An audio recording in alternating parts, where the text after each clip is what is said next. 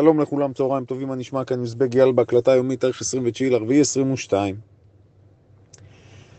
אנחנו מסיימים היום חודש, אחד החודשים הסוערים יותר, מאז פרוץ הקורונה, מי שזוכר, מרץ 20, קיבלנו פה תנודתיות שיא. אגב, אנחנו ממשיכים עם התנודתיות הגבוהה הזו. כולם כרגע עוצרים נשימה ומחכים להחלטה של הפד בשבוע הבא. חמש הגורילות סיימו לדווח, קיבלנו אתמול את, אפ, את אפל ואמזון.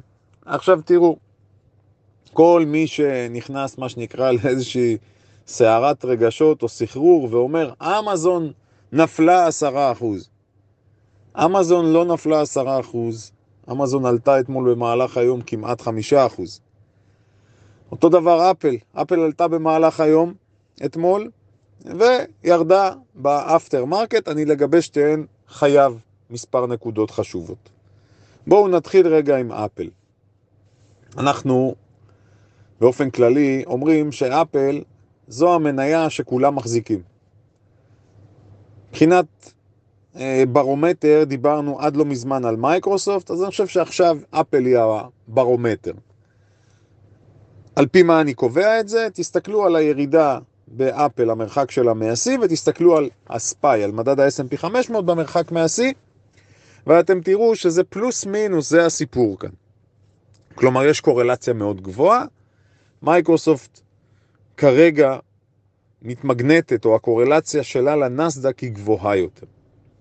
עכשיו, מה אפל אמרנו, אפל, שאתה קונה אפל מבחינת הביצועים העסקיים, זה סוג של בטון יצוק, אתה יודע מה תקבל ממנה. ואגב, התגובה הראשונית, זאת אומרת, היא עומדת, עמדה בתחזיות, הכל נראה ורוד. אלא מה? פרסמה את הדוחות, ראינו שהיא עולה ב after. ואז פתאום הייתה איזושהי פרסה. הפרסה הגיעה בעקבות המסיבת עיתונאים, ה conference call, שבה אחד מה... נדמה לי שזה היה מנהל הכספים או מישהו מהחטיבה שם הפיננסית, התחיל לדבר על הקשיים שקשורים לאספקה, לסין, וזה יצר איזשהו שינוי מומנטום. לא, עוד פעם, לא משהו דרמטי, כרגע אפל 2-3% יורדת, אבל אחרי שעלתה אתמול במהלך היום. זאת אומרת, אנחנו יודעים מה אתה מקבל, כשאתה קונה אפל אתה יודע מה אתה מקבל. אממה, מה בכל זאת אנחנו צריכים לשים לב? שני דברים חשובים שהיא מודיעה. היא מעלה את הדיבידנד בחמישה אחוז, והיא מודיעה על buyback של 90 מיליארד. מדוע זה מאוד חשוב? מה הבהילות או מה הרציונל מאחורי הפעולות הללו? אם אני ככה בהומור אני אגיד, תוסיפו גם אולי קרטיב לימון לכל בעלי המניות ומסאז' למי שרוצה. מה הפינוקים האלה? עכשיו, כי באופן טבעי מה הפעולות הללו נועדו לשרת? אנחנו יודעים שחלוקה של דיבידנד בסופו של דבר זה לא כזה דבר חיובי, כי אם לאפל יש מה לעשות עם הכסף שלה, שתפתח ותשקיע. אותו דבר לגבי ה buyback, מה דחוף לאפל לרכוש את המניות שלה בחזרה? בשביל מה היא עושה את זה? כי האופק שלה מבחינת התפתחות וצמיחה הוא מוגבל. לכן היא ממשיכה במסורת ומגדילה את ה buyback. מי ששאל את עצמו מדוע יחסית אפל גם בתקופה התנודתית, יחסית היא פחות תנודתית, אני אומר בזהירות, אבל כנראה שזה קשור לרכישות העצמיות האגרסיביות שהיא מבצעת. אוקיי? כי אפל זו חברה, נכון שהיא חברה חזקה, נכון שהיא צומחת, מתפתחת, אבל הצמיחה שלה מאוד מוגבלת. תמיד אני אומר, אם אני רגע מפריד כל רוכשי האייפונים וכו', והמקים למיניהם, זה מכורים. לא מוכנים לעזוב, יקנו את הגרסה החדשה וכו'. אבל אני חושב, ואפרופו אם אנחנו משווים את הביצועים שלה בארצות הברית לעומת סין נניח, אז בסין הקצבים שהיא צומחת עוד יותר הועטו. כלומר, יש פה איזשהו סיפור שמסתכלים בראייה קדימה, היא רווחית, היא טובה, הכל בסדר, אבל הצמיחה שלה מוגבלת להערכתי. אמזון. באמזון גם אין הפתעות. אנחנו מבינים, ציפינו לזה, יש ירידה באי-קומרס הכללית, גם פה הסיפור די דומה. לגבי התוצאה הכספית, ההפסד, זה לא ממש סיפור, כי ההפסד קשור להשקעה של אמזון בריביאן, ההנפקה של הרכבים החשמליים, של הטראקים החשמליים. אגב, גם פורד מושקעת בריביאן, ושתיהן משלמות את המחיר בדוח.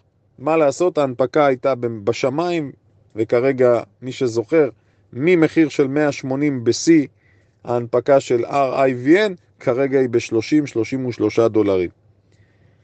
אה, אז אין פה באמת איזשהו שינוי דרמטי, אין הפתעה, לפחות מה שדיברנו, דיברנו נדמה לי אתמול או שלשום על ההאטה בצמיחה העולמית של חברות האי-קומרס, האונליין.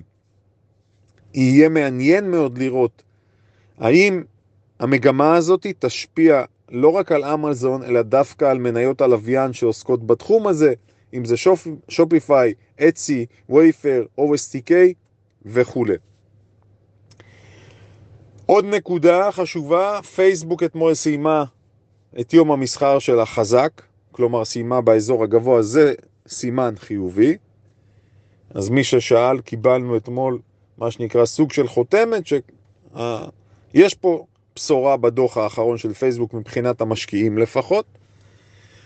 פייפל אתמול מדווחת, אין הפתעות, די מתכתב עם מה שראינו בוויזה ומאסטר קארד. אפרופו אני חייב לומר משהו, ויזה ומאסטר קארד, אה, מניות עוגן.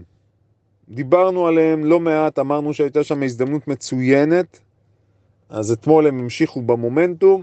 מי שנמצא שם באמת כל הכבוד ומגיעות ברכות, כי בתקופה כזו לקבל שתי מניות שעולות בצורה כזו, זה שאפו.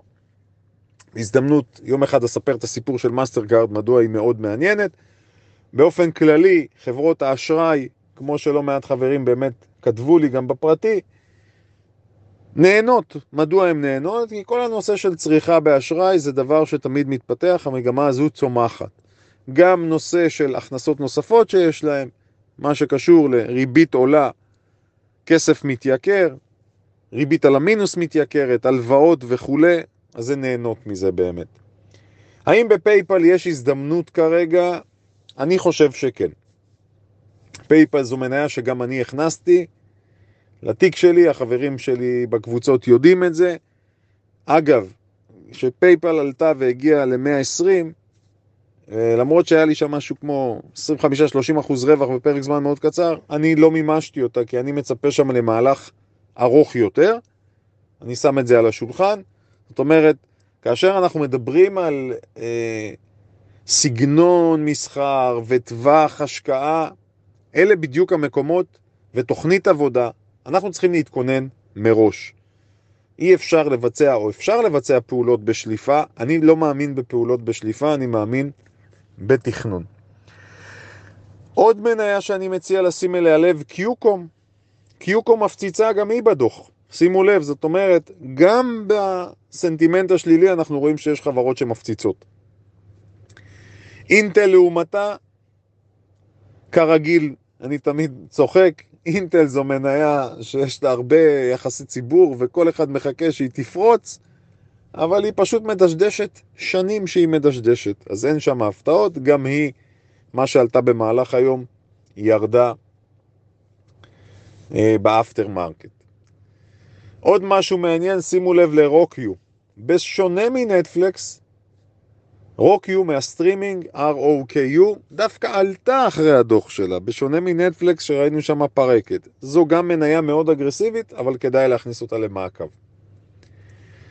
רובין הוד, זוכרים את רובין הוד, את ההנפקה, אז היא ממשיכה להידרדר המניה הזו. דיברנו בזמנו על צדק פואטי, דיברנו על ההזדמנות שהייתה בהנפקה לעשות כסף, ומאז אמרנו שהמניה הזאת סופה להתרסק, מה שאכן קורה. עכשיו, אחרי שדיברתי על המניות, היום הפכתי קצת את הסדר, אני רוצה להסביר ברמת המקרו מה הולך פה. אנחנו מקבלים אתמול את הנתון של התמ"ג בארצות הברית ואנחנו רואים התכווצות. כלומר, הפעילות המש... המשקית מתכווצת. הבעיה, ובטח עכשיו כמה אסימונים נופלים לכם, הבעיה בסיפור הזה, אם המשק מתכווץ והמחירים עולים, זה הפחד והחשש כאשר מדברים על סטגפלציה. כאשר מדברים על מיתון, אז לקבל מיתון עם מחירים עולים זה קטלני. אחת הסברות, וגם קראתי בקבוצות, חלק מהחברים אמרו, כתבו אתמול שייתכן שהשוק עלה אתמול בגלל הנתון הפחות טוב או הגרוע של התמ"ג, כי אולי זה יגרום לפד בהחלטה הקרובה של העלאת הריבית לעלות רק ברבע אחוז ולא בחצי. אני לא חושב, אני חושב שאנחנו נראה העלאה ודאית של חצי אחוז, זו הערכה האישית שלי, כי כרגע האינפלציה משבשת את הכל. אז כל מי ששאל מה הפחד ומה החשש ומדוע אי אפשר לנקוט באותם כלים שנקטנו במשך שנים עם המדיניות המרחיבה של הריבית והכסף הזול, זו הבעיה עכשיו. גם מחירים עולים וגם משק שעוצר. עדיין זה לא אומר שבאמת ניכנס למיתון, אבל לפחות עכשיו אנחנו רואים את הבלימה הזו. וזו נקודה חשובה. כל הסיפור אתמול, וראינו גם את מחירי הנפט חוזרים לעלות. הנפט ב-105, 106 דולר. לכן המצב מאוד מורכב. ההצעה שלי מאוד פשוטה.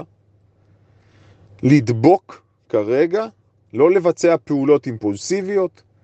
מי שמחפש כניסה למניות חדשות, הפרדה ברורה, הבחנה ברורה, למתוח קו עבה וברור בין מניות צמיחה למניות ערך, ולא פחות חשוב, פשוט לעשות שימוש בדוחות הכספיים, להסתכל על הדוח.